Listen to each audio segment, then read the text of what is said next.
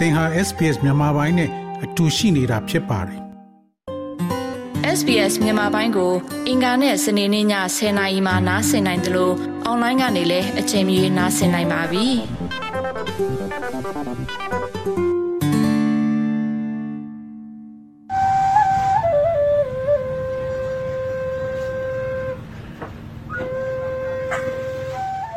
စ်စရာဓလေ့တစ်ခုလို့တင်စားလေးရှိတဲ့ချင်းတောင်တန်းပေါ်ကအမျိုးသမီးတချို့ရဲ့ပလွေတန်တွေပါ။မတူကွဲပြားနေတဲ့အကြောင်းအရာကတော့ဒီတန်စင်တွေရဖို့အတွက်ပလွေကိုနှာခေါင်းနဲ့မှုတ်ခဲ့ကြပါတယ်။လက်ရှိအချိန်မှာတော့ဒီလိုပလွေတန်တွေဟာတိတ်ဆိတ်လို့နေခဲ့ပါပြီ။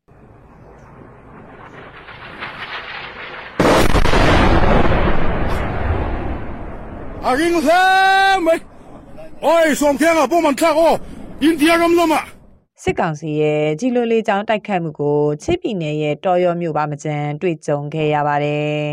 ။ဒေသခံတွေအနေနဲ့မှလည်းအမဲလိုက်တနေ့မှာအုံပြူတဲ့တူမီသနက်တွေကိုဒေသလုံခြုံရေးအတွက်မယမနာပစ်ခတ်ခဲ့ရပါပြီ။ဒီအခြေအနေကြားမှာတော့လက်ရှိကြောက်ရောက်ခဲ့တဲ့85နှစ်မြောက်ချင်းမျိုးသားနေဟာရုပ်လုံးမဖော်နိုင်ခဲ့ပါဘူး။ အရင်ကဆိုချင်းမျိုးနယ်စုတွေပေါင်းစည်းကျင်းပလေးရှိတဲ့ထန်လန်မြို့ဟာလည်းမီးလောင်မြင်တဲ့ဖွဲအများဝမ်းနေစရာပုံရိပ်တွေဖြစ်ခဲ့ရပါတယ်။အာနာသိန်းခံနှစ်နှစ်အတွင်းမှာတင်စစ်ကောင်စီရဲ့ထိုးစစ်တွေအင်အားသုံးတိုက်ခိုက်မှုတွေကြားမှာဘာသာရေးအဆောက်အဦတွေနဲ့နေအိမ်တစ်ထောင်ကျော်ပျက်စီးခဲ့ရပြီးမြို့ရဲ့သုံးပုံနှစ်ပုံခန့်ဟာမီးလောင်ပြင်ဖြစ်ခဲ့ရပါပြီ။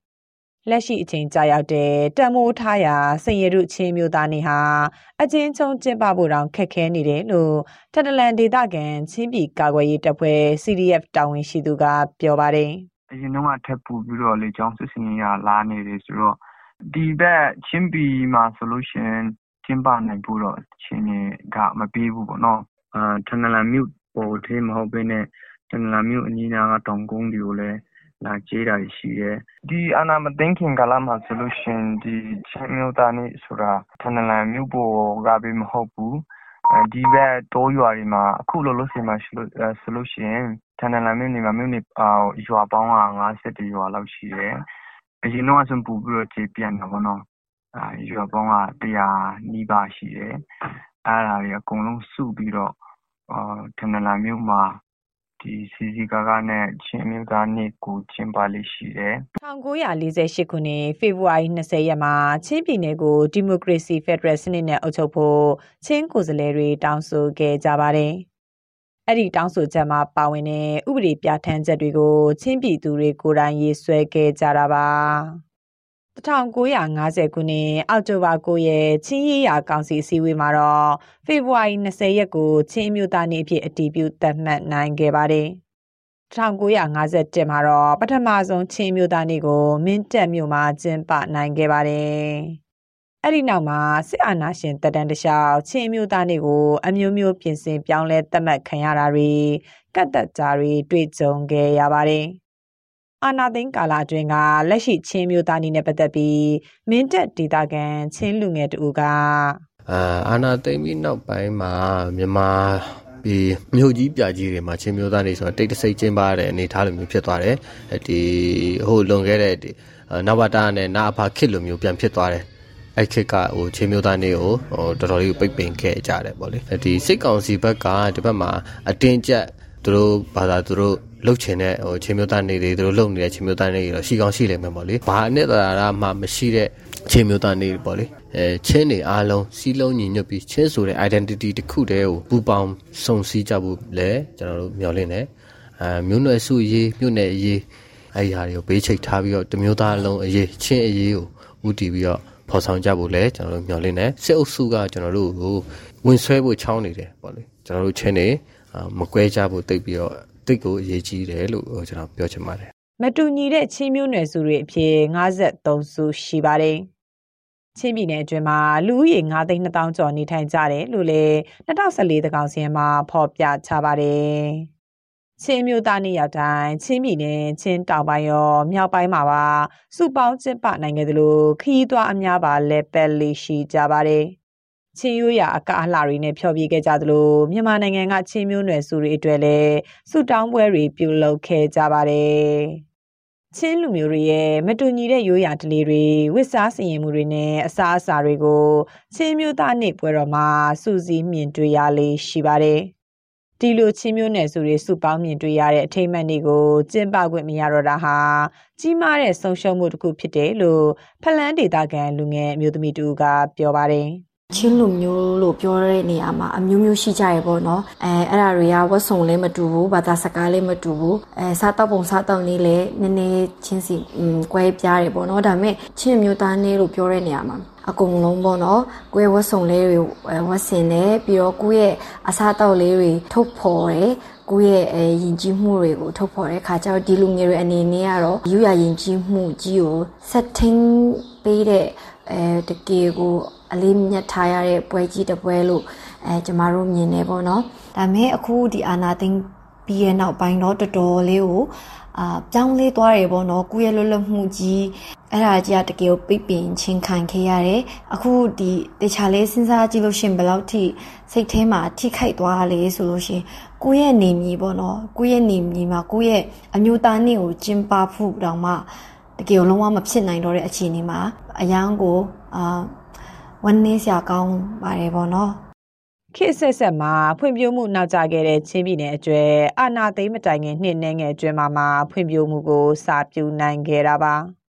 ခီးသွွားလုပ်ငန်းလမ်းမဆက်သွယ်ရေးအဖြစ်ကားလမ်းနဲ့လေစိတ်လျှက်စစ်မီတက္ကသိုလ်တိစောက်တာတွေစိုက်ပျိုးရေးလုပ်ငန်းတွေကအစားအသီးသီးစတင်နိုင်ခဲ့ကြပါတယ် ခရီးသွားတွေအတွက်လည်းချင်းပြည်နယ်ကိုအရိုင်းဆန်နဲ့အလှတရားပြည့်နေတဲ့မြို့လို့တင်စားခဲ့ကြသလိုနတ်မတာရိရေကန်တွေဘက်ဟာလည်းပြည်ရင်းပြည်ပခရီးသားတွေအတွက်မျက်စိကျစရာစိတ်ဝင်စားစရာနေရာတွေဖြစ်လာခဲ့ပါတယ်။လက်ရှိအချိန်မှာတော့ဒီအခန်းကဏ္ဍအသီးသီးဟာအင်အားသုံးထုတ်စစ်တွေနဲ့ခုခံတော်လှန်စစ်တွေကြားမှာရပ်တန့်ခဲ့ရပါပြီ။ချင်းမျိုးသားတပ်ဦး CNF ချင်းမြို့နယ်အလိုက်နဲ့မြို့နယ်စုလိုက်ဖွဲ့စည်းထားတဲ့ CDF စတဲ့အဖွဲ့၁၈ဖွဲ့ပါဝင်တဲ့ CJDC ချင်းလန်း Joint Defense Committee အနေနဲ့ခုခံတော်လှန်စစ်အတွက်စုပေါင်းနိုင်ခဲ့သလိုဒေတာတွင်လုံခြုံရေးကိုအကောင့်ထဲပေါ်နေတယ်လို့အဲ့ဒီအဖွဲ့ရဲ့ပြောရေးဆိုခွင့်ရှိသူကဆိုပါတယ်လက်နက်ကင်ဖွစည်းတွေကကိုယ့်ရဲ့ညီမြင်ကိုဒေတာဟိုပို့ပြီးတော့မှ ဟိုအားကောင်းနိုင်ဖို့အတွက် data အတီးတီးမှာလက်နက်ကင်ထားတဲ့ဖွဲ့တွေလည်းရှိတယ်။ဒါချင်းမှာလက်နက်ကင်18ဖွဲ့ရှိတယ်။18ဖွဲ့ကိုစုပြီးတော့မှတိုက်ပွဲဆင်နွှဲနေတဲ့အရာတွေလည်းအကောင့်တွေပေါ်နိုင်တဲ့အရာတွေလည်းကျွန်တော်တို့ရှိတယ်။နှစ်ဖက်အကြမ်းဆုံးတွေကျွန်တော်ရှင်းမယ်ဆိုရင်လည်းစကောင်စီဘက်ကထောင်နဲ့ချီပြီးမှကျွန်တော်တို့တက်ဖြတ်နိုင်ခဲ့တာလည်းရှိတယ်။ဟို2021ထက်2022ပို့ပြီးကျွန်တော်တို့အောင်မြင်မှုရတယ်လို့ဒီ2023မှာလည်းပို့ပြီးတော့မှအားဆိုင်မှာဖြစ်တယ်လို့ကျွန်တော်တို့အောင်မြင်မှုတွေကိုလည်းဆက်လက်ပြီးမှထိန်းဖို့တော့ကျွန်တော်တို့လိုတယ် ပို့ပြီးတော့ကျွန်တော်အောင်မြင်မှုရချင်တော့ဟိုအားလုံးပါဝင်နိုင်တဲ့တော်လှန်ရေးဖြစ်ဖို့တော့အရေးကြီးပါတယ်အဲ့လိုဖြစ်နိုင်အောင်လဲကျွန်တော်တို့ဒီချင်းအတွင်းမှာပို့ပြီးတော့ချစ်လက်ခိုင်မာတဲ့ဖွင့်စည်းတွေပို့ပြီးတော့စစ်စင်ရေးမှာအောင်မြင်နိုင်တဲ့ဤပြဟာတွေချမှတ်ပြီးတော့မှဒီအချမ်းဖက်စစ်ကောင်စီကိုဒီ2023အတွင်းမှာလဲဖွဲ့ရပါဝင်တဲ့ပြည်သူ့ကာကွယ်ရေးတပ်ဖွဲ့ရအောင်လုံးပူပေါင်းမှဆုံးတိုင်ချေမုံသွားမယ်ဆိုတဲ့ဟာနဲ့ပဲကျွန်တော်ပြောချင်တာဖြစ်ပါတယ်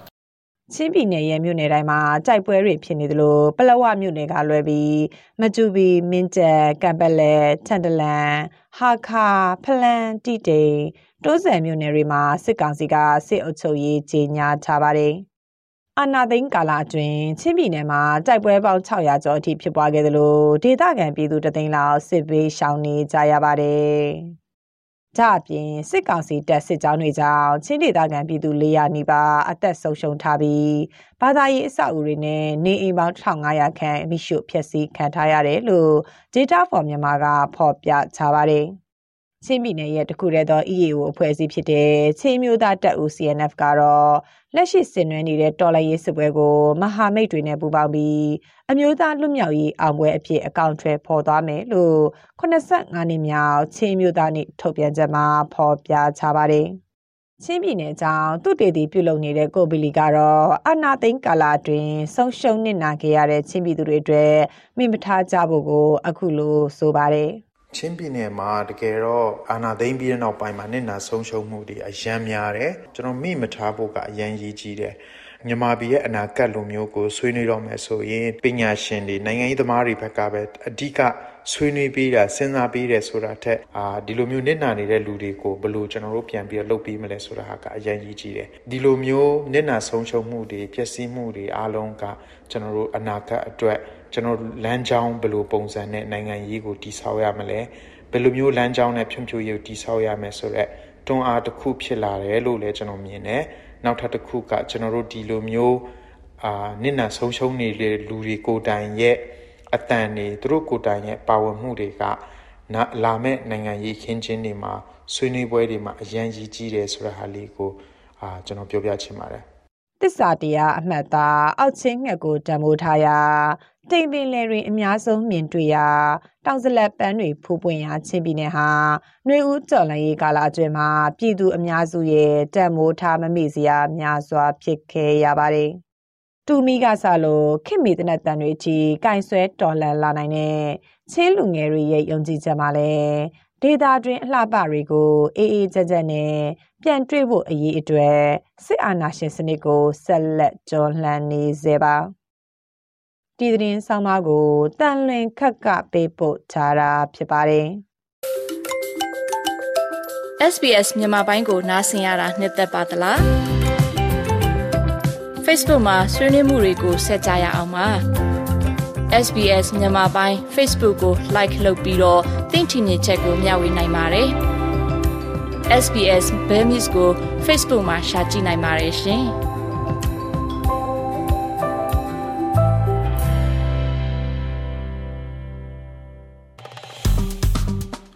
SPS မြန်မာပိုင်းကို Facebook ပေါ်မှာ like ရှာပြီး like မျှဝေမှတ်ချက်ပေးပါ